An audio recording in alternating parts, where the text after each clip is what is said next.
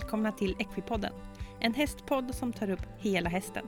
Med mig, Elin Weiner.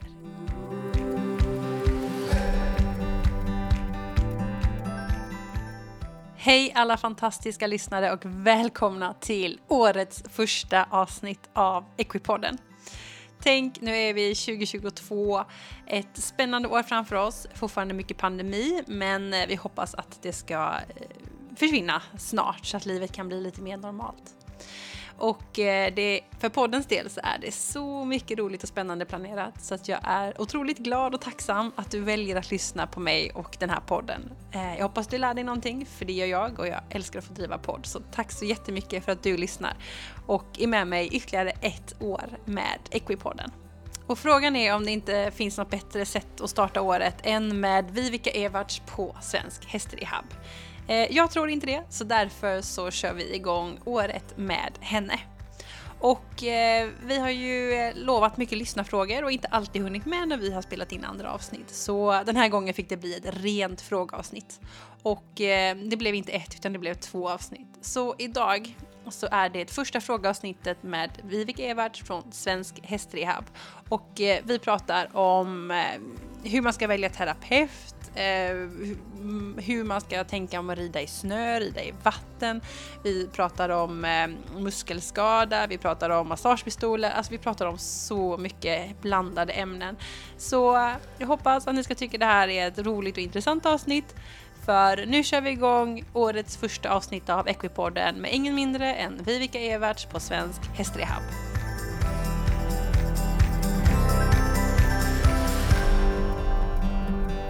Sådär, då sitter jag med Vivica Everts igen. Igen? Ja, hej! hej. Svensk Hästrehab, för er som inte har hört innan. Mm. Eh, och eh, ja, men Vivica, hur är det med dig? Så här i början av januari. Ja, men det är bra. Det är, nu är julen och, och nyår över och, och hela december, så jag gillar ju rutiner, så att jag tycker det är skönt när, när januari kommer igång och allting kan um, gå tillbaka till, till det normala. Det är mysigt med jul, men um, ja, nej, men det har varit en skön tid. Mm. Men det blir alltid ganska intensivt eh, kring jul. Ja. Man ska hinna med alla där och ska man åka runt och så ska man Mm.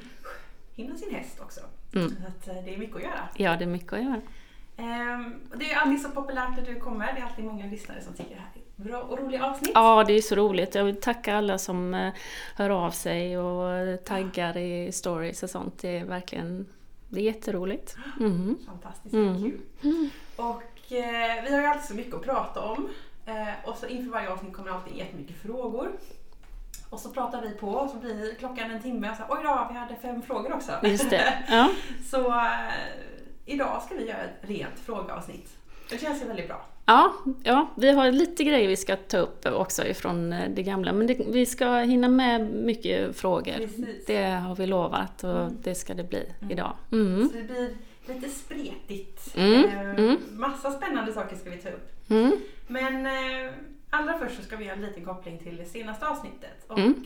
det var ju avsnitt om fascia, Stämmer. eller hur? Ja, eh, det stämmer och jag kände väl där att det var vissa saker som jag eh, kanske missade att poängtera och sen så är det vissa saker som jag har ehm, spanat upp efteråt som jag tycker är viktigt att ta med. Lite spännande grejer som, som kan vara intressant att ha, ha med i det. det Nej. det var en spaning säger du. Ja, sen så har jag ju ytterligare en, en spaning faktiskt som vi också definitivt måste ta upp.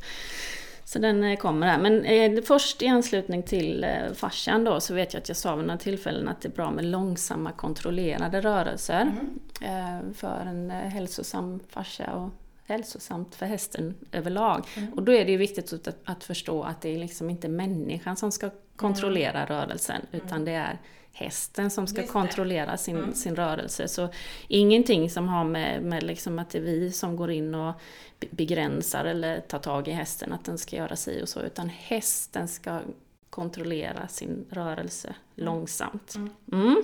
Mm. Som då för oss in på en, en liten spaning. Vi har ju två spaningar här egentligen.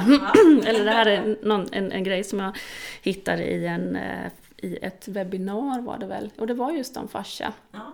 För jag har funderat lite grann på just det här med de här långsamma rörelserna. Jag har sett det både Um, till exempel när hästen står på de här surefoot-padsen mm. uh, och de börjar liksom gunga lite mm. långsamt från sida till sida så ser man att de verkligen ja, men slappnar av. Man mm. ser att de somnar och mm. så. Och då kan man, ja, mm vad händer där? Mm. Eh, ser det också när man jobbar med hästen i ekibodybalans, för där jobbar man också ganska långsamt och, mm. och, och kontrollerat. Det är också väldigt många hästar som blir väldigt avspända. Finns ju mm. till och med de som joggar runt och gäspar. Mm. och det, ja, det, det, och det värmer hjärtat, det är det mysigaste som finns. Eh, och sen ser jag också det på, jag jobbar ju mycket med långsamma intervaller på vattenbandet. Mm. Eh, och där ser jag också att hästarna blir väldigt avspända. Det är också många som börjar gäspa mm. i det mm. arbetet. Och det, det betyder ju någonting, det är någonting som händer där. Men, men vad är det som händer och varför? Mm. Och då hittade jag ett av de här webbinaren att i de här långsamma, vi har pratat en del om receptorer, mm. och att det finns olika receptorer som, som reagerar på olika stimulans då, att vissa kan ha med temperatur att göra, och vissa kan ha med tryck att göra, och vissa vibrationer och sådär. Mm. Eh, och då finns det en del av de här receptorerna som reagerar på långsamma rörelser. Ja, då, då vaknar de till liv och liksom, eller de är vid liv hela tiden, men de, men de svarar på stimulansen av långsamma rörelser. Och de eh, receptorerna är starkt sammankopplade med det parasympatiska nervsystemet. Mm. Och det parasympatiska nervsystemet är det som, som är aktivt vid lugn och ro, må ja, bra, eh, matsmältning och, och det här. Och när hästen aktiverar det, så blir det den här typen av att de gäspar och slappnar av och sådär. Så att det är därför. Coolt! Ja. Det är kopplat med lugn liksom? Ja, precis. De här långsamma rörelserna gör liksom att... Ja. Så. Och då är det eh, ett en tecken på att det har blivit eh, aktiverat. Coolt! Mm. Så det är... Ehm, det är spännande att, att, att se och liksom hitta de här kopplingarna varför. Ja. Vilket för oss in på en, nästa grej som också har med det här att göra. Det här med eh, release är ju en, eh, en, eh, vad ska man säga, ett fenomen eller ett ord som man ofta använder mm. när hästen Alltså ofta i samband med terapeutiska behandlingar. Mm. Att man går in och gör någonting och sen så ser man att hästen gäspar eller sådär. Mm. Men det behöver absolut inte nödvändigtvis ha med en eh, release i vävnaden att göra. Mm. Um, därför att om man går in det enda som är egentligen tecken på att hästen börjar gäspa eller tugga eller smaska eller vad det nu det, det är ett tecken på att det här nervsystemet har blivit påkopplat. Mm. Så om det är det andra systemet som har varit påkopplat innan, det, det sympatiska, det vill säga det som står för stress, eh, kamp och flykt. Um, när det är påkopplat så är hästen mer vaken och när den går över till andra systemet så, så kommer de här mm. signalerna. Mm.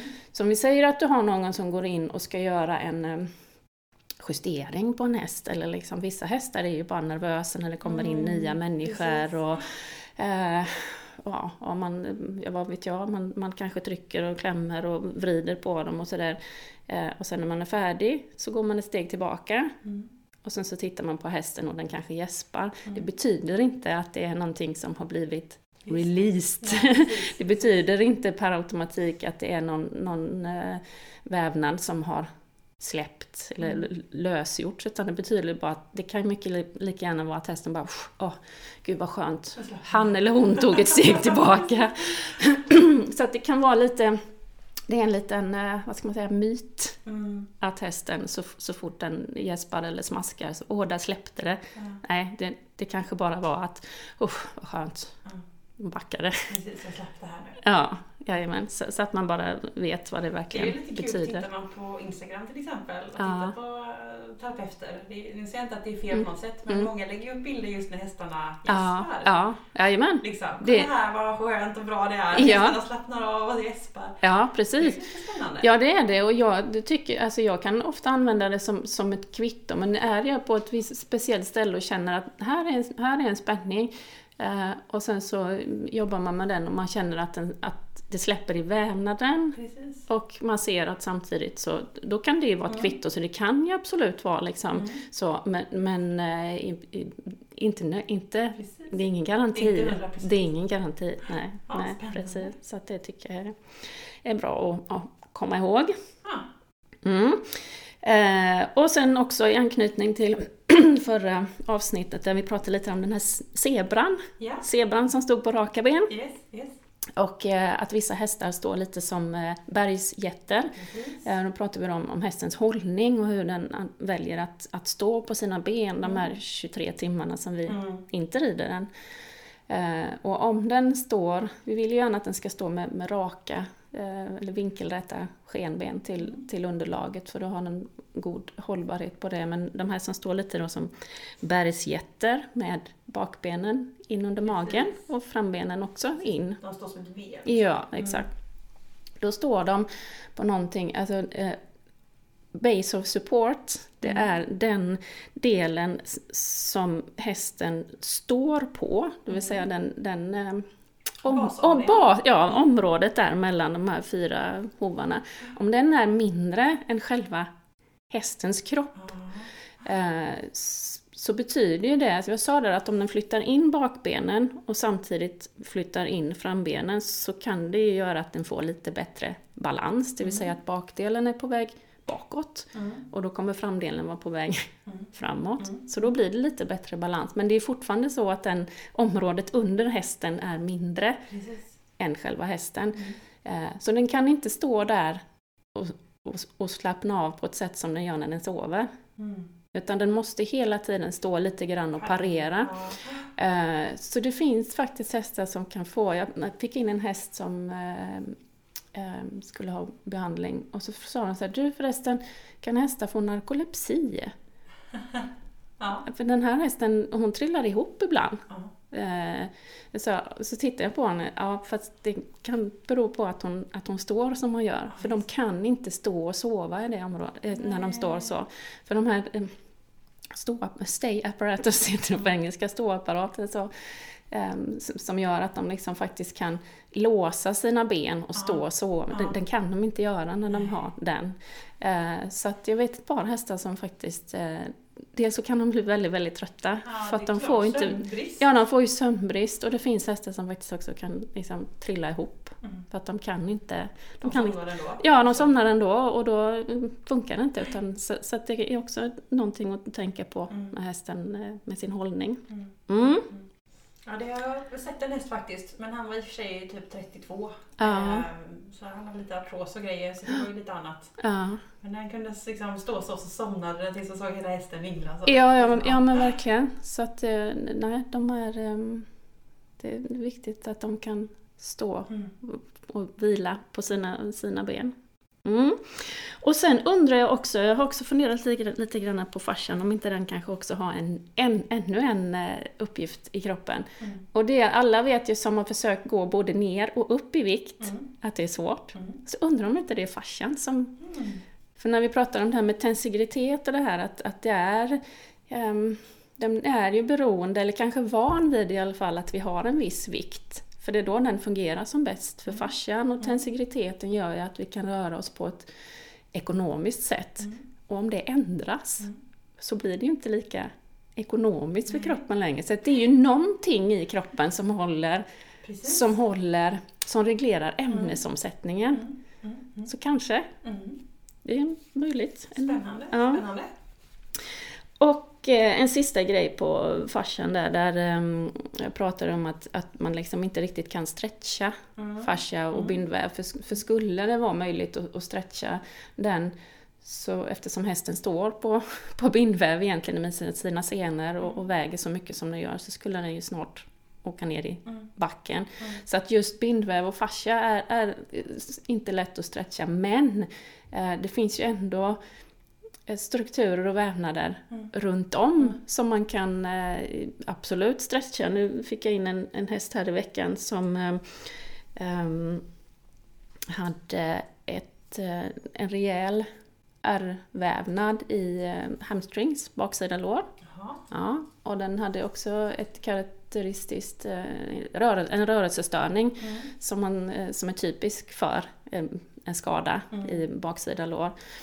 Ehm, och där tänker vi ju att ja, det här var ju ett rejält ärr så det Mm. går ju inte att stretcha ut men det finns ju ändå kanske liksom höften och muskler runt omkring så där tycker jag absolut att det kan vara läge att och även stretcha passivt i kombination till den aktiva stretchen. Mm. Spännande. Mm. Så det var det. Det var det. Det var det om fascian tänker jag. Och eh, Mm. jag kollade upp här när vi ska prata lite. Det är nummer 82 av Equipodden som pratar om fascia. Fascia? fascia. om fascia. Ja, Och det släpptes 22 september då, 2020. just det. Mm. Eh, så att, eh, har man inte lyssnat på det så hoppa tillbaka och lyssna på det. Det är också ett superintressant avsnitt. Ja, det var, det var jag nöjd med. ja. Nej, men jag tycker att det, det här är jättespännande och roligt. Men eh, ja, det var lite nya grejer där för, Ja. för många tror jag. För, Kul. mm. Men eh, då hoppar vi in i lite frågor här. Nej, vi har en grej kvar. En grej kvar! Ja, vi har en grej kvar. En, en spaning. En ny till spaning. spaning. Ja, precis. Som, eh, nej men jag har ju den här, och det pratar jag väl också om, pratar mycket om den i, i avsnittet om multifiderna. Som var det avsnittet eh, som var innan farsan, Mm. på våren där kanske. Mm. Vi får titta när det var också. Jag kollar upp det. ja. eh, och någonting då som jag har funderat på, jag har ju sett eh, hela, jag, jag kollar ju väldigt mycket hästar i rörelse och nästan alla har ju svårare att bära sig själva i, i högervarvet, Mm. har vi pratat om. Och i det avsnitt, avsnittet också så berättar jag om att, om att man har sett i en studie att de här då multifiderna, de här små musklerna närmast ryggraden, som är ansvariga för stabilitet och så, var större på högersidan. Mm. Mm. Det finns ju också många tränare som tycker att många hästar är högerstarka och, och man pratar om att de är högerroterade Mm. och sådär. Eh, Ja, så att eh, den här studien om, om att de var, multifiderna var större på högersidan, ja men den var ju Ja men där har vi liksom någonting då som verkligen bekräftar den här oliksidigheten. Ja, och, och vad, men okej, nästa steg, vad, vad beror det på? Mm. Det måste ju bero på någonting. Så då funderar jag på, ha, hur ska jag... För allting i rörelseapparaten, alla muskler och alla ben, det, är så symmetriskt. Det finns ju både på höger och vänster sida. Utom vissa ben eller muskler som det bara finns en, då, men de ligger precis i mitten. Mm. Så det har ju inte med, rö- med, med rörelseapparaten att göra. Vad har vi då i kroppen som, som inte är symmetriskt? Mm. Ja, men det är de inre organen. Ja, Ja. Ja, det är de inre organen. Så, ja, men, alltså, jag, jag lovar att det är någonting med Mm. det då. Så då kastade jag mig in i anatomiböcker och, och rafsade och rev och försökte hitta liksom där och hittade även en app att hitta. Och ja, mm, mycket riktigt, så ligger ju mer utav eh, alltså de, eh, tjocktarm och blindtarm och, och den delen utav matsmältningskanalen som hanterar mycket foder och vätska på högersidan. Mm. Mm. Det blir lite tyngre. Ja, så det blir ju lite tyngre och då kan man ju tänka liksom, varför, varför skapade evolutionen eh, det här, den här, varför blev det så? Mm. Ja, fast det är ju inte tänkt att, vi, att de ska stå stilla och äta fyra gånger om dagen. Tanken är att de ska gå och äta liksom huvudet i backen och njom, njom, njom, njom, njom mest hela tiden. Så att när vi håller dem som vi gör med, med liksom större fodergivor ett antal gånger om dagen där de äter mycket och dricker mycket och sen så står de still mycket. För jag ser också att många hästar som, är, som inte har den här mm, perfekta hållningen med raka ben, det är ganska många som står med höger, alltså höger bakben en bit fram Mm. och höger framben en bit, precis som att de Ja, försöker liksom sidan så. Ja, hålla upp den sidan lite mer. Så att ja, där kanske vi är ännu närmare liksom det här med högersidan. Mm. Jag tror att det är en, eh, en ganska viktig pusselbit i detta. Då får man gå ut och titta på sin häst helt enkelt. Ja, Vad ska man, men kan man göra någonting åt det? eller? ja kan man göra. Ja men det är ju det, är det här med att de ska äta, eh, alltså, ja, lösdrift kanske är bra, men där är det också många som kanske bara står med huvudet i sin... Alltså vi måste ju, vi håller dem på ett sätt så att det, det är lite det är vad det är. Det är svårt för många kanske att ändra på detta. Men då kanske man också, om man vet med sig att man har sin häst eh, stående mycket still och äter maten när den gör och så vidare. Då kanske man inte ska bli så upprörd för att den inte är liksidig att Mm. rida. Den kan inte. Nej, precis. Det går liksom inte. Ehm, och sen jobba mycket då med, ja, ehm, stärka upp och variationen och det här. Men att, att man är medveten om att det sättet jag håller min häst på, det, det skapar den här oliksidigheten. Och, och så, så länge jag inte kan erbjuda någonting annat Mm. så, så kan jag heller inte begära att den ska vara liksidig. Precis, då får Mm. man veta det. Ja, Och det spelar ingen roll om jag rider en timme bara i ett varv då för att kompensera. Ja, det går nej. att kompensera upp 23 timmar. Nej, nej det gör ju inte det utan det är ju de, de väljer ju att stå på ett visst sätt eh, och hantera det som händer i kroppen. eh, Så att, och det vi gör när vi rider det är en sån liten del Mm. egentligen.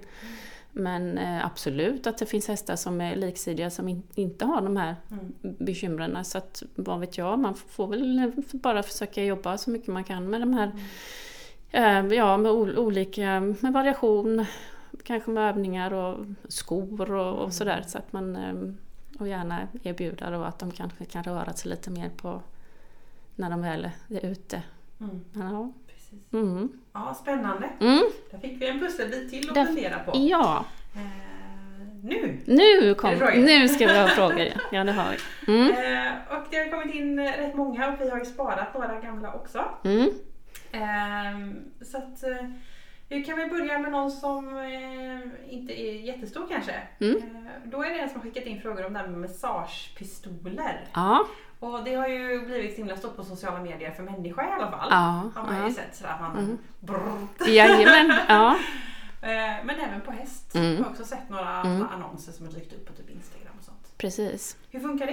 Ja, hur funkar det och vad tycker jag om det? Och då har vi ju två, två aspekter i den frågan. Mm. Eh, Den ena är, kan man jämföra kanske en massagepistol med djupvåg? Mm. Nej.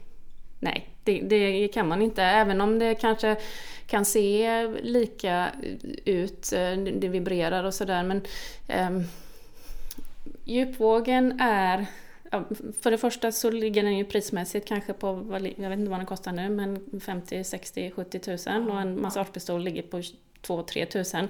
Så kvalitetsmässigt så, så går det liksom inte att, att jämföra dem. Men med djupvågen så kan jag, eh, den är mycket, mycket starkare. Mm. Batteriet kan ju faktiskt driva en moped så att den, jäklar. den, den är, det är en stark maskin där jag kan, jag kan gå ner en bra bit i vävnaden eh, och där kan maskinen jobba liksom med vågor Mm. så att den sätter vävnaden i vågor. Eh, men med massagepistolen kan ju aldrig trycka så hårt för då, stan, då stannar den, den har inte den kraften utan det blir som en vibration mer på ytan. Mm. Eh, Så där, så där skiljer de sig åt. Mm. Eh, Tycker jag att det är lämpligt att använda massagepistoler som lekman, eh, då tycker jag så här att allting som, som händerna gör, där är ehm, alltså kroppen, hästkroppen då i detta fallet, förberedd på ett annat sätt. Mm. Eh, där, där är man safe. Eh, det, det blir naturligt. Jag ska inte säga att allting är naturligt. Flugesvampar finns naturligt, men de är inte, De är inte de bra. är inte bra för oss. Men när det kommer till de här massagepistolerna, de här alltså snabba, jättesnabba vibrationerna som man då utsätter kroppen för, då börjar man helt plötsligt prata om, då är det ju kommunikation med Mm. receptorer. Ja. Eh, och där vet vi inte riktigt. Det finns ju en del som upplever em, behandling efter massagepistolen, pratar vi human då, som att det bränns. Mm. Och det är väl lite grann för att kroppen vet inte hur den ska hantera det här. Är, det, är, är det något som har bränt mig? Eller är det något som har... För det finns liksom inte naturligt Nej, den här typen Precis. av vibra, vibrationer i evolutionen. Eh, som, och med händerna är man ju då i princip alltid safe. Mm. Eh, och, eh, så, så vi vet inte riktigt hur hästarna eh, upplever ehm, man kan säkert tycka, man ser att ja, men den tycker det är skönt, eh, läppen börjar liksom Mm. så, de tycker, och, ja, då, då är man ju, man har förmodligen inte skadat hästen. Mm. Eh, men om jag ska, alltså om man tänker att man mas- masserar hästen, eh, då, får, då vet, där vet vi att det blir ett påslag av oxytocin. Mm. Och det får man ju både den som ger Ja, massage och den som får massage. precis. Eh, och, Och oxytocin är ju ett sånt glädje avslappningshormon. ja, det är, som det är det som Mm. man vet, liksom, det här då igen, parasympatiska på, på, får ett påslag, det är lugn och ro, matsmältning, blodtrycket Mm. eh, och ja, allt som, som ger gott till både människan och Ja. hästen. Så istället för att stå och liksom hamra på med massagepistol som lekman, varför inte liksom rykta hästen Mm. den stunden? Eh, eller, eller ma- massera den med liksom mjuka rörelser. För att massagepistolerna kommer ändå inte så Nej, djupt Mm. så, att, så att du liksom ja, lösgör eller Mm. vad man nu är ute efter för, eh, för effekt där. Så att eh, jag, jag tycker väl att det är bättre att, eh, ja men massagepistol, kör den på dig själv eller ja om hästen tycker att det är kör lite grann på rumpan då men lägg hellre den tiden och energin på, Ja. på att liksom rykta eller massera Precis. hästen då, tycker jag. Och jag tänker också så här, om man kör på sig själv, Mhm. då kan man ju så här, där gör det ont, där var det skönt, där känns det Ja. Så flyttar man ju. Jajamän, Eh, precis. Men hästen kan ju, man kan aldrig ha den detaljkommunikationen med sin häst riktigt. Nej, och när jag jobbar med eh, ja, djupvågen, eller alla så, då, då tittar jag ju efter eh, vad får jag för respons i vävnaden Mm. och vad får jag för respons av hästen liksom. Och när de, för ibland kan det ju vara att jag känner i vävnaden att den spänner sig och att det är Mm. någonting som gör ont. Mm. Eh, Men tittar jag på hästen så kanske den an- antingen håller med, Mm. man ser att den börjar liksom trampa runt. Eh, eller att, och, och, och liksom tvärtom. Med en, em, för när man närmar sig sin häst med sin, med sin massage, massagepistol, om man inte är van vid att varken känna eh, i vävnaden eller avläsa, man kanske inte vet, gör det ont? Mm. Eh, Eller är hästen Ja, men det är orolig? Eller liksom, det är min e- erfarenhet och kunskap. Ja! och- där är man ju aldrig med, med bara händerna liksom. För händen, hästen är ju sällan rädd för dina händer. Ja. Så, så att det, det, det liksom hamnar i en annan dimension när man Ja, börjar plocka in eh, verktyg. Mm. Mm. Och, och det blir ju inte ens säkert bättre. Nej. För man kommer inte ner och in ändå. Mm. Så att, eh, mm. Ja, svår. Mm. Eh, Mm. Vi, vi lämnar den. Japp. Eh, och då tänker jag att, eh, för vi har en fråga som är ganska stor. Mm. Och den har kommit in eh, från flera och Mm. lite olika delar. Och det är Mm. lite det här, hur väljer man en terapeut? Mm. Hur ska man tänka? Mm. Men också det här, en fråga som jag skrev ordagrant som jag tyckte var väldigt bra. Det är så här, hur vet man vilka rehabbehandlingar eller terapeuter då kanske Mm, också, mm. som faktiskt funkar och vad är bluff? Hur ska Ja. man veta det här? Ja. Det är en ganska stor fråga. Ja, det är en ganska stor fråga. Vi får hoppas att du hinner med fler frågor efter den här ja, nej men, nej men så här är det. Att eh, det har ju um, de sen, ja, vad ska man säga, senaste tio åren kanske, fem, tio åren, så finns det ju, alltså har det ju blivit väldigt många fler terapeuter. Ja. Mm.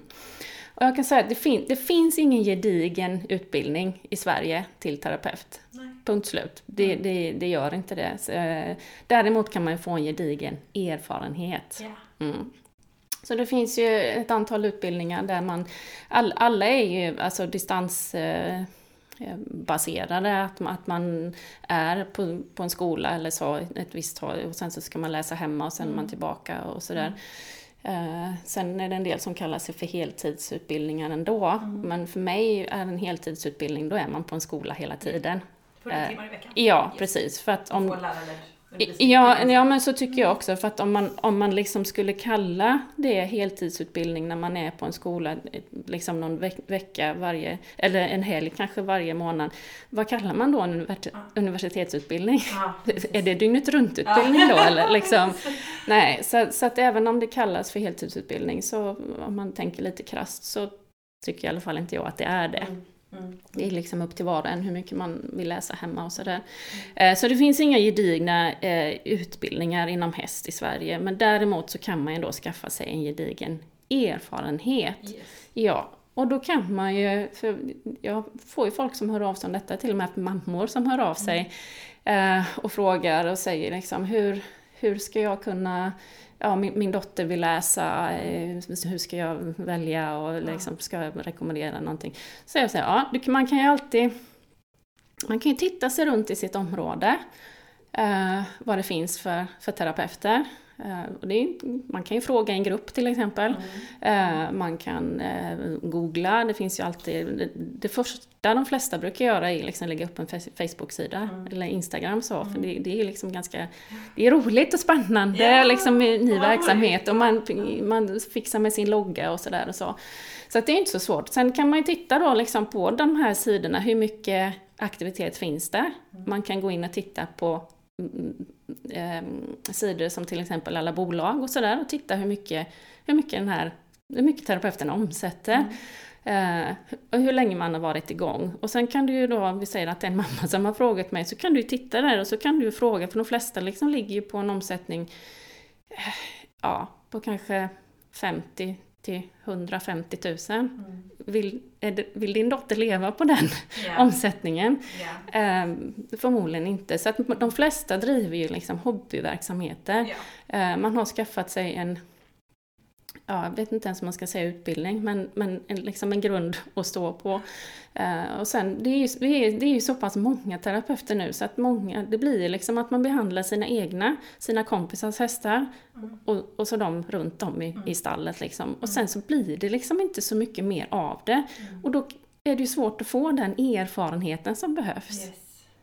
För att man, man man får ju med sig då när man går kursen eller utbildningen liksom en, en grund att mm. stå på. Och det är den sen som ska omsättas mm. i eh, olika hästtyper, olika vävnader, olika babababa, eh, alltså allt mm. det. Och där får man inte riktigt med sig i själva liksom utbildningsdelen, mm. utan det är ju mm. sen. Så att där får man ju, man får ju liksom gå in och titta, ja hur mycket jobbar den här terapeuten. Eh, vad, har, vad har de för erfarenhet? Och även, eh, för det går liksom inte att fråga, det går inte att fråga efter tips mm. på terapeut i en, i en grupp längre. Därför att alla känner någon. Yes. Och då är det klart att man tipsar sin, sin boxgranne eller sin bästis ja, eller sin syster eller kusin eller vad det nu än är. Men det behöver inte betyda att, att man att det faktiskt är en, en duktig terapeut som ska ta sig an ett rehabfall. Man, man tipsar ju om de som man, människorna man tycker om för att vara snäll. Mm. Mm. Så att, att, fråga i en grupp, eh, det, det, känns, det är liksom ingen garanti för att man ska få tips om en, om en duktig terapeut, utan mm. man måste ju verkligen in och, och, och liksom göra en research. Ja. Eh, vad vill man liksom betala för att den här terapeuten ska göra vad det nu än mm. är med hästen. Um, så att ja, in och ställ frågor absolut, men sen gå in och, och, och titta på. Mm. Uh, all, all, det, är, det låter ju som man snokar nu, men, men alltså det är ju ganska enkelt nu att mm. titta hur mycket mm. folk jobbar, för att man lägger ju ut det det är ju så man marknadsför sig som yeah. terapeut, det är ju på Instagram och på Facebook och yes. med, med, sin hemsida. Och in där och titta. Ja. Eh, och säger någon att de jobbar heltid med detta och sen går man in och tittar på, liksom på en omsättning som är ganska liten. Då, det stämmer ju inte riktigt då. För att det går ju inte... Eh, det, det, det, är möjligt att det finns någon runt om i landet som har fått någon anställning som eh, terapeut, men jag tror att det är ytterst ovanligt mm. i så fall. Mm. Möjligtvis att man kan få eh, någon anställning som eh, djurvårdare mm. eller i någon reception någonstans eller så. Men, men som eh, terapeut liksom, inom fysio eh, anställd eh, tveksamt faktiskt. Ja. Så eh, ja, och, och det här liksom hamnar ju också då i, i nästa nästa fråga om man ska utbilda sig mm. till det här för att man tycker att det är verkligen någonting man vill göra. Mm. Eh, skulle jag själv börja om från början nu, mm. eh, då skulle jag ju läsa till fysioterapeut. Mm. Eh, först, då får man läsa först human mm. och sen gå vidare och läsa på djur eller på häst liksom, eller så. Eh, men eh, å andra sidan mm. då, ehm, för det har ju gått inflation, eller devalvering heter det väl då kanske egentligen, i titlar. Mm. Och här har jag en beef kan jag säga. Eh, som jag inte alls är varken bekväm eller tycker är okej. Okay. Varför skulle jag eh, gå en lång, lång utbildning till fysioterapeut för att sen komma ut på en eh, marknad där andra då har gått en, en, eh, en, en kortare utbildning på några helger som också kallar sig för fysioterapeuter. Ja. Och, och folk gör ingen skillnad på detta. Det, eh, det, det finns liksom ingen anledning att länka den Mm. tiden för mig när man sen inte... ehm, och det finns en del som säger så ja, men det spelar väl ingen roll vad man kallar sig. Jo, fast det gör ju det. Det kanske inte spelar någon roll vad man presenterar sig om man sitter på en bröllopsmiddag men, runt människor som inte har med häst att göra. Då kan du kanske kalla dig för vad du vill för att det spelar ingen roll. Men när man är ute bland hästar och ska erbjuda tjänster och kalla sig för antingen fysioterapeut, eh, det är en gedigen utbildning. Eh, Eller kalla sig för kiropraktor, det är också en gedigen utbildning för där är det egentligen så att, tycker jag i alla fall, att man ska antingen vara kiropraktor på human och därefter gå vidare på häst. Och där har vi liksom legitimation Ja. på eh, eller att man är veterinär och går vidare. Ja. Eh, Så där tycker jag man kan kalla sig för, för kiropraktor. Men den, den, det har ju också bara luckrats upp. Massa folk som kallar sig för kiropraktor. Eller även osteopat. Osteopat är ju en, eh, det räknas också som en gedigen utbildning skulle jag säga på eh, human. De har till och med legitimation i Norge och kanske några andra nordiska länder. Och det är på gång i Sverige också. Sen finns det en, en utbildning i Tyskland till hästosteopat. Eh, Där, eh, men i Sverige finns det ju ing, bara, för att man gör osteopatiska tekniker, bara för att man gör kiropraktiska tekniker, eller bara för att man liksom erbjuder laser som rehab ett par gånger i veckan. Det, betyder inte att man är fysioterapeut, osteopat eller kiropraktor. Och vi vill ju ha duktiga terapeuter. Ja. Vi vill kunna få hjälp eh, av duktiga terapeuter till våra hästar. Men varför ska man läsa de här långa utbildningarna när sen folk som inte har dem g- går ut och kallar sig för detta och folk bryr sig inte. Jag, tyck, jag tycker inte att det är okej, jag tycker att det är synd. Och jag tycker också att det blir liksom, alltså mycket handlar ju om, om man ska, om man ska lyckas som terapeut eh, under, liksom få igång en verksamhet så handlar det ju mycket om att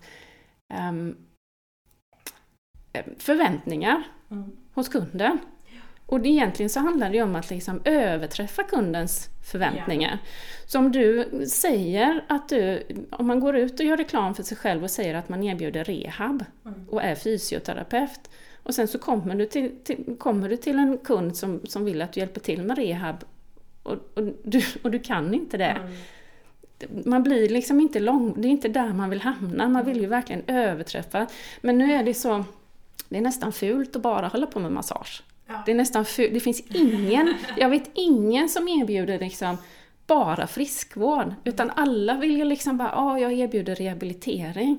Men det är ju att skjuta sig lite granna i foten. För att du kommer få missnöjda kunder. Så att, eh, och det finns alltid plats för, det finns alltid plats för en till. Oavsett vilken bransch eller vilka tjänster du ska erbjuda. Det finns alltid plats för en till om du är bättre. Eller om du är annorlunda. Så om man går en utbildning och sen tänker man så här, ja, jag ska, jag ska erbjuda eh, rehab och laser och elektroterapi. Och sen så går du ut och tittar, ja, men okej det finns redan sju stycken i det här området som omsätter 100 000. Du, du kommer liksom inte Det finns inte mer lyckas. pengar att plocka. Det finns inte mer pengar att plocka där. Så fundera lite, ja, research och fundera, håll dig till liksom eh, jag kallar mig inte för någonting. Jag, jag vet inte vad jag ska kalla mig för titel. Nej, och jag kallar mig inte för någonting heller. Så där kanske det kan stämma att ja, det spelar väl ingen roll vad man kallar sig. Nej, om man inte kallar sig för någonting. Nej. Utan till mig brukar det vara att har varit hos Svensk Hästhäst eller varit hos Vivi. Men jag vill inte kalla mig för någonting. För jag vill absolut inte kalla mig någonting som jag inte är. Nej. Nej. Och du säger ju ofta väldigt noga att jag använder de här verktygen. Ja. Så. Ja, precis. Eh, Och det tycker jag är en annan... eh, Jag har också osteopatiska tekniker och eh, ja, kanske mobilisering då som kanske vissa vill ha att det är kiropraktor och, och så vidare. Men, men jag, skulle aldrig, jag skulle aldrig kalla mig för fysioterapeut, osteopat eller kiropraktor. Nope. Sen, sen tänker jag också, jag är ju lärare då. Mm. Och en sak som jag lägger mycket tid på när jag utbildar mina elever, det är ju kanske inte att du ska kunna det här och det här utan till utan det handlar om att Ja. du ska kunna lite av det här och så ska du veta hur du hittar den informationen. Just det. Att det handlar om att bygga en grund för hur man vidareutbildar sig sen. Mm. Mm. Och eh, då pratar vi mycket om källor och det gör ju alla i skolans värld såklart. Mm. Men det som också man tittar på vad du gör, Mm. det är ju att du kommer ju alltid, nu har jag sett ett nytt webbinarium, jag ska prata om det här och jag har det här och ny spaning där. Och jag läste de här böckerna, alltså att det Mm. hela tiden pågår en utbildning. Ja, hela tiden. Och eh, jag tycker ofta när man hör lite terapeuter som är ute sådär, sådär då liksom, man gick en utbildning för kanske 3, 4, 5 år sedan Ja. som man liksom ändå varit igång en stund. Men inget mer sen. Nej. Och då blir det Nej. också så här när man hör dig så här, ja visst det är en grund, det är någonstans att börja på. Ja, Men också att vara ödmjuk mot att man måste vidareutbilda sig hela tiden. precis. Att det är precis minsta minsta man har fått. Ja. Hur går jag vidare? Hur går jag vidare? Och- Vad, vad vill jag lära? Och verkligen liksom bli erfaren i det Mm. man... Gå ut, alltså erbjud, man blir den bästa massören i området då och få igång fingertoppskänslan och när man känner att nu kan jag det här, nu vill jag ta nästa steg, Mm. nästa steg. För att det är, det är så otroligt stort och det är kanske Mm. Därför som folk också lätt kallar sig för fysioterapeuter, för de fattar inte hur mycket det är liksom. Det blir så, ja det, det nästan, jag lär mig nya grejer varje vecka och sen tänker man bara, aha, är det så, men oj nu, det här blev ju, nu måste jag ju dyka ner i det här. För att det är liksom hela tiden ett stadigt, stadigt lärande och det är jättefascinerande. Och ska man då läsa någon av de här kurserna eller utbildningen eller vad det nu är, gå in och fråga vilka som är lärare. Eh, För att det är mycket pengar i utbildning, det är en lukrativ bransch. eh, Och det är klart att det kan vara lockande. Folk vill, "Mm, hästar är det bästa, jag vet, jag vill jobba med detta, åh vad mycket. spännande. Men allting kanske inte är så ljusblått liksom. Nöj dig inte med att det står liksom välrenommerade lärare eller så. Liksom. Fråga, vem är läraren? Och sen kan man lika gärna, precis som du söker efter en terapeut, kan du söka efter en lärare. Ja. Titta på Instagram, titta på Facebook, titta på liksom alla bo. Är de verksamma i den här branschen? Ja. Eller läser de bara rakt upp och ner på en, Precis. liksom, Ja. en powerpoint som någon annan gjorde för tio år sedan? Det är liksom, du vill ska du betala de här pengarna för en utbildning Mm. så vill du ju ha en lärare som är up to date Ja. och som har jobbat. Ja. Det finns utbildningar i Sverige där, där, där det är liksom lärare som, som inte har någon kompetens i området överhuvudtaget.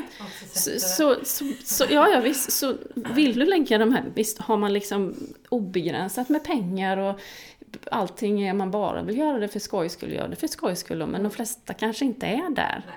Man kanske vill jobba med detta sen, så luska! Mm. Gör din research. Ja, gör din research, verkligen. Mm.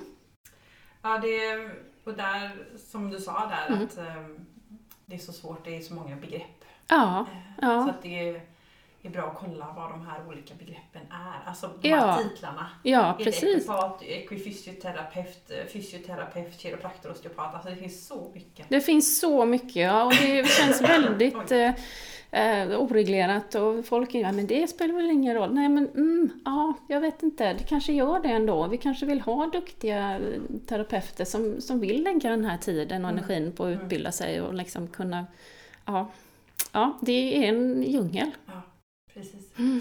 Och därifrån Mm. kan vi gå vidare in då på um, det här med just liksom behandlingar, vad som Mm. funkar och inte och hur ska man veta det? Och det är också sådär man kan komma ut och höra eh, den säger att jag ska göra så och så och så Ja. och den säger att man ska göra så och så och så och så säger den så och så och så. Ja. Och så är det helt olika. Ja men precis, och det hänger ju lite grann ihop med det här att, att det är så olika kvalitet på terapeuterna om man säger. Eh, Det är jättesvårt att veta vad som är liksom, eh, metoder och vad som funkar och vad som inte funkar. För det är ju verkligen upp till terapeuten att kunna titta, vad behöver den här hästen? Hur kan jag använda de här metoderna för denna hästen? Så att det är väl kanske snarare eh, det är väl snarare så att Ja det, ja, det finns ju en hel del som är lite halvbluff eller vad man ska säga. Men, men, men, men, men om vi säger liksom bara någonting som, som laser då, som är då bevisligen bra på olika skador och man kan använda. det, det, då handlar det inte bara om, om att, att lasern är bra, utan det handlar om hur den används. Eh, att, att någon ska komma ut och lasra din häst lite en gång i veckan en stund, det, det, det kan ju både ha och kvitta liksom. Om det ska funka på, på vissa skador så måste det ju kanske nästan lasras, om inte varje dag, men i alla fall varannan. Så att det är ju mer, alltså sådana ehm, funderingar. Men skaff, har man bara en, en, en seriös, duktig terapeut som inte utgett sig från att vara någonting som den inte är, så ska man kunna lita Mm. på den. Mm. Och det är bra om veterinärer kanske allierar sig med, med duktiga terapeuter som de kan Mm. känna sig safe med och, och, och rekommendera till. Eh, Men ja, nej men det är nog snarare liksom vad, vad man använder de olika metoderna till Mm. och eh, frekvensen då. Eh, för eh, vi bara, man kan ju bara ta vattenband som, som, en, som ett exempel. Mm. Som också bevisligen är, är väl, väldigt bra på vissa grejer men använder man det fel Mm. på, så, så kan ju liksom hästen komma tillbaka med en ny skada. Precis. Så att det är svårt att, att säga vad som är eh, bluff och inte. Mm. Man får nästan plock, plocka ut grej, grej för grej och Och jag tänker lite det du sa, Mm. att våga fråga. ja. För det är också laser till exempel. Vissa lasrar kostar ju typ, eh, ja, det är väl nästan 100 000. Ja, ja, visst, ja, så är det ju. Och så finns det de som ligger på 10. Ja, Det är Ja. också såklart Ja. en skillnad. Ja. Och, nu kan jag inte jag jättemycket men jag vet de här lite dyrare måste man Mm. vara certifierad på något sätt för att få gå den utbildningen. mm. ja, Men det, ja men så är det ju. Då, ja, eh, precis. Och, och ta ut någon som kom, kommer ut en gång i veckan med en sån här billig laser. Mm. Det, det, då är det är väl nästan på gränsen till bluff då, om man säger. Mm. För att det kommer inte hjälpa. Nej. Nej. Utan det är nog mer att göra research på, på terapeuten. Mm. För seriösa terapeuter har oftast seriösa verktyg. Mm. Och seriösa, jag behandlar aldrig i princip alltså skadan. Folk kan ju höra av sig och säga du min häst har eh, fått den här, den här skadan. Eh, kan, har du laser? Kan vi lasra den? Nej men det, det, det är meningslöst. Det gör ingen skillnad att du kommer till mig den korta stunden en gång i veckan. Det är liksom, du kan inte komma hit varannan dag, det, det vet jag att du inte kan. Ja. Nej, det stämmer. Så, nej, så, så, nej, du får försöka hitta något, någonting annat eh, för det i så fall. Så att, ehm, ja.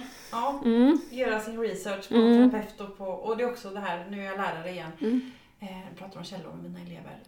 Står det på en källa? mm. Okej, står det på två källor, tre källor, fyra källor? Ja, Mm. men nu börjar det likna något. Ja, Att man ändå tänker om man läser om någonting någonstans. Att man ändå Ja. gör en liten research till det på att googla det, det tar Mm. tio minuter. mm, Står det på fler ställen eller står det olika på olika ställen? Mm. Ja, står det olika då ska man säga oj då här ska jag nog kanske vänta lite. Står det samma på tio källor, kör. Ja men Då är precis, då är, då är man ju rätt safe. För, för står det olika på den, då handlar det ju ännu mer om, okej nu är det någon som måste ta beslutet, Precis. vilket det ska vara Ja. här. Ehm, mm, Och då får man mm, avvakta lite. ja, Och känna att här kanske jag inte ska släppa på det här bara. Så Nej, köpa nej. det direkt. Nej, men precis. Ja, eh, mm. spännande. Vi Mm. kör vidare lite va? ja, det gör vi. Klockan går. Mm, Eh, och då tänker jag att jag vill ta den här om Surefoot. ja, För det har vi ju nosat lite på. mm, Och det har kommit in frågor om det. mm. Eh, och Surefoot då är det små paddar. Luft... Skumgummigrejer. Ja, ja, jajamän. Det är ju de här paddarna som hästarna får stå på, små, ja, om det är fyrkanter Ja. eller, ja det, det, är- det är nog fyrkanter. Men det är liksom Och- som hoven lite större va? Ja, Så. och det är ju olika material i de här som har då olika egenskaper. Och man väljer ju inte... Eh, man väljer ju egentligen inte Surefoot-padsen efter, inte jag i alla fall, efter just deras egenskaper. Utan det man är ute efter är ju liksom interaktionen mellan padden och hästen. Ja. Mm. Eh, Så det är därför jag har, jag har, jag har alla då, alla Surefoot pads, så det är väl liksom en, eh, vad är det, sex, sju olika varianter. För att jag ska kunna titta liksom hur mycket hästen väger, vad det är för typ av häst, om den har någon skada, alltså och så vidare och så vidare och så vidare. Så tänk, tar jag ju ett par och testar, ja, men jag tror att vi ska ta de här då. Och jag börjar ju alltid eh, med, med en så fast som möjligt. Därför att jag vill ju kunna ha, och sen gå vidare till mjukare och mjukare. För man använder ju dessa för att ehm, ja, men stimulera lite proprioception, det här med kroppsmedvetenhet. Mm. Och även aktivera små alltså muskler som har med stabilisering att göra. Och, och, och, ehm, så man använder det ofta i samband med övningar och då får man ju först göra övningen bara platt på marken och sen i nästa steg så väljer man då att sätta den på padd för att kunna utöka, alltså förlänga själva eh, behand- alltså förlänga effekten av de här övningarna. Så, så att man får en kontinuerlig ehm, stimulans som blir liksom lite mer, lite mer, lite mer, lite mer till nervsystemet. Eh, Så jag börjar ju med att ställa hästen på en ganska så fast padd. Eh, Och är det sto- de stora tunga hästarna, de får ju naturligtvis den fastaste, den, den, liksom den fastaste padden. Ja. Framförallt fram då, för de väger ju så mycket. Ja. Så då, där kan det ju bli liksom, där, där blir det ju effekt ändå medan de små ponnyerna, de känner nästan ingen skillnad Nej. på dem. Så att där, där får man ju välja liksom, okej, vad, ska hästen stå med paddarna fram eller bak? Och är den tung eller inte? Så stora tunga hästar får ju de fast, fastaste paddarna. Ehm, och sen gör man lite de här övningarna då, sen för att gå vidare. Och sen får man ju titta på hur den här hästen står på de här padsen. Verkar han trivas, han eller hon? Eh, Tyckte han att det var liksom för instabilt? Faller den in eller ställer den sig mer på tårna? Och är det så att man ser att den, att den eh, tippar framåt eller bakåt eller inåt eller utåt, då kan man ju tänka att okej, här kanske vi ska ha en kil. Mm. För det finns ju de här paddarna som är kilformade. Den lutar. Den lutar ja, så då kan man kanske ta fram en utav dem och titta om den står bättre, Mm. mer jämnt på den då. Så där, det är så man använder eh, de kilarna. Och även ibland om hästarna kanske är låga i trakten eller så, att de kanske kan bli mer avspända om de får komma upp Mm. lite granna. Eh, därefter går man vidare då kanske på en någon som är lite mjukare. Mm.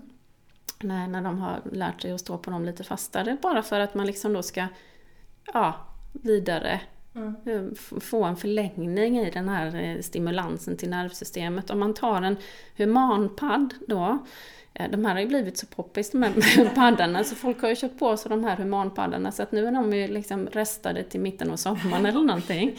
Så det går knappt att få tag på. Och de har blivit väldigt mycket dyrare också. Ja, okej. Ja. Eh, De kunde man ju köpa för något eh, halvår sedan för 300-400 kronor. De kostar ju 900 kronor Oj. för en Ja. nu. Ja. Så att nu kan man ju nästan lika gärna köpa de äkta då, eller Ja. surefootpadsen. Eh, Men om man tar en humanpadd så är den ungefär som den mjukaste hästpadden. Mm. Och tar man den direkt, då har man ju liksom missat Mm. de här stegen Mm. Som jag tycker är... Eh, alltså jag vet egentligen inte hur, hur värdefullt det är. Men jag inbillar mig i alla fall att, att jag tror att den här liksom lite mer kontinuerliga, för ställer man hästen på mjuka padd så kommer nervsystemet, okej, ja, ja men då hamnar vi liksom på ruta 10 Ja, ganska snabbt. Ja. Jag vill ju istället ha den här, Mm. att, att det går Precis. som en trappa. Ja. Eh, Men man, ehm, men man väljer ju efter hästen liksom. Vad, så att det är inte så att just den här padden använder vi till senskador, just den här padden använder vi för balans, utan det är ju vad som händer när man ställer hästen på Mm. paddarna. Mm. Och jag använder det ju mycket alltså på instabila hästar, de, Ja. de man ser man behöver liksom eh, ja, jobba med, med övningar och Mm. och få igång en och få väldigt fina resultat med dem. Och de människor som jobbar med dem med sina hästar är ju väldigt fascinerade över hur, hur hästen liksom verkligen är väldigt svajig i början för att sen kunna nästan stå på två pads och liksom kunna hålla emot sig. Och man, de känner ju skillnad i, i ridningen också. Så att, eh, så att, ja, så de som kommer till mig, jag, jag, jag säljer inte pads och jag hyr inte ut dem utan de som kommer får ju låna dem. Ja, så, så att vi byter ut efter varannan vecka ungefär. Jag tänker, eh, du sa att man kan köpa själv. Är Mm. det någonting som man kanske ska ha hemma? Eller kan en lekman göra det här utan någon hjälp av någon? Ehm, ja... Ehm, ja men alltså... Beror på.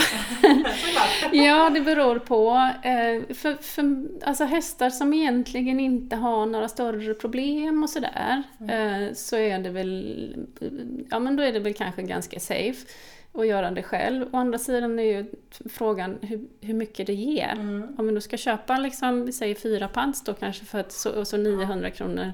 Och sen så vet man att när hästen har stått här på en stund så, ger det egentligen inte så jättemycket. Nej. För att då har vi redan fått igång det. Vi har, liksom, vi har redan gjort det, det vi ska göra.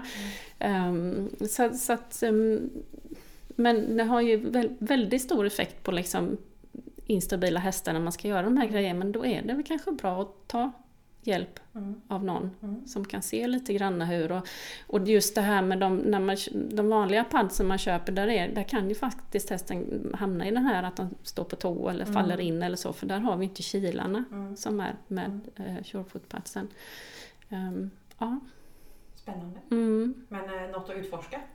Och då Ja. framförallt för instabila hästar då? Ja, Mm. där man behöver eh, väcka upp lite mer mm, stabilitet. Liksom.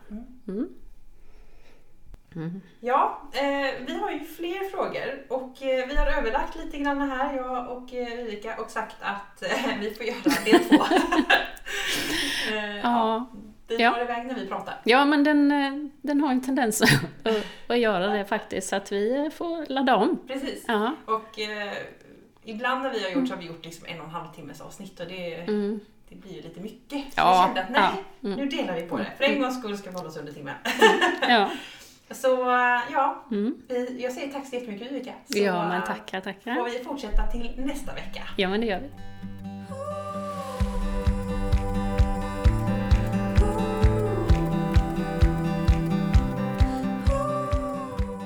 Ja, det blir ju inte bättre än så. Vivica, hon är ju fantastisk. Och eh, tycker man att det här var intressant och vill se mer av Vivica så finns hon ju dels på sociala medier på Svensk Hästrehab, Instagram och Facebook.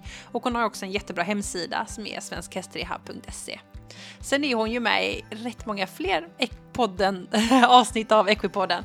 Och eh, de finns på hennes hemsida och de finns också där poddar finns. Så det är bara att söka på Equipodden och Svensk Hästrehab eller Vivek Evers så kommer du att få upp eh, otroligt många bra avsnitt om du inte redan har lyssnat på dem. Eh, är det så att du inte följer Equipodden på sociala medier, då tycker jag att du ska gå in och göra det. För där är du med och påverkar. Dels lägger jag upp lite extra saker som inte finns med i podden. Eh, det kommer upp saker i textform som jag frågat gästerna, vilket är väldigt roligt, så det dyker upp lite nytt material där. Och eh, du är också med och påverkar vilka gäster jag ska ha med och vilka frågor jag ska ställa. Så in och följ Equipodden på Instagram och på Facebook. Eh, nästa vecka i Equipodden ska det handla om unghästar och eh, jag har träffat Camilla Axelsson som driver stall Axelsson nere i Skåne. Och vi pratar inridning och unghästar. Och hon berättar om deras system, hur de jobbar. Och de rider ju in otroligt många unghästar varje år. Och eh, ett grymt bra avsnitt kommer nästa vecka. Sen är det ju så att det här var ju ett frågeavsnitt del 1 så att det kommer inom kort ett frågeavsnitt 2 också med Vivica. Så eh, är det så att du skickat in en fråga som inte du fick svar på i det här poddavsnittet så kommer det i del 2. Så eh, håll ut några veckor så kommer del 2 av Equipodden Frågor med Svensk Hästrehab. Nu tror jag jag har fått med allting så nu önskar jag dig en fantastisk vecka så hörs vi snart igen. Hej då!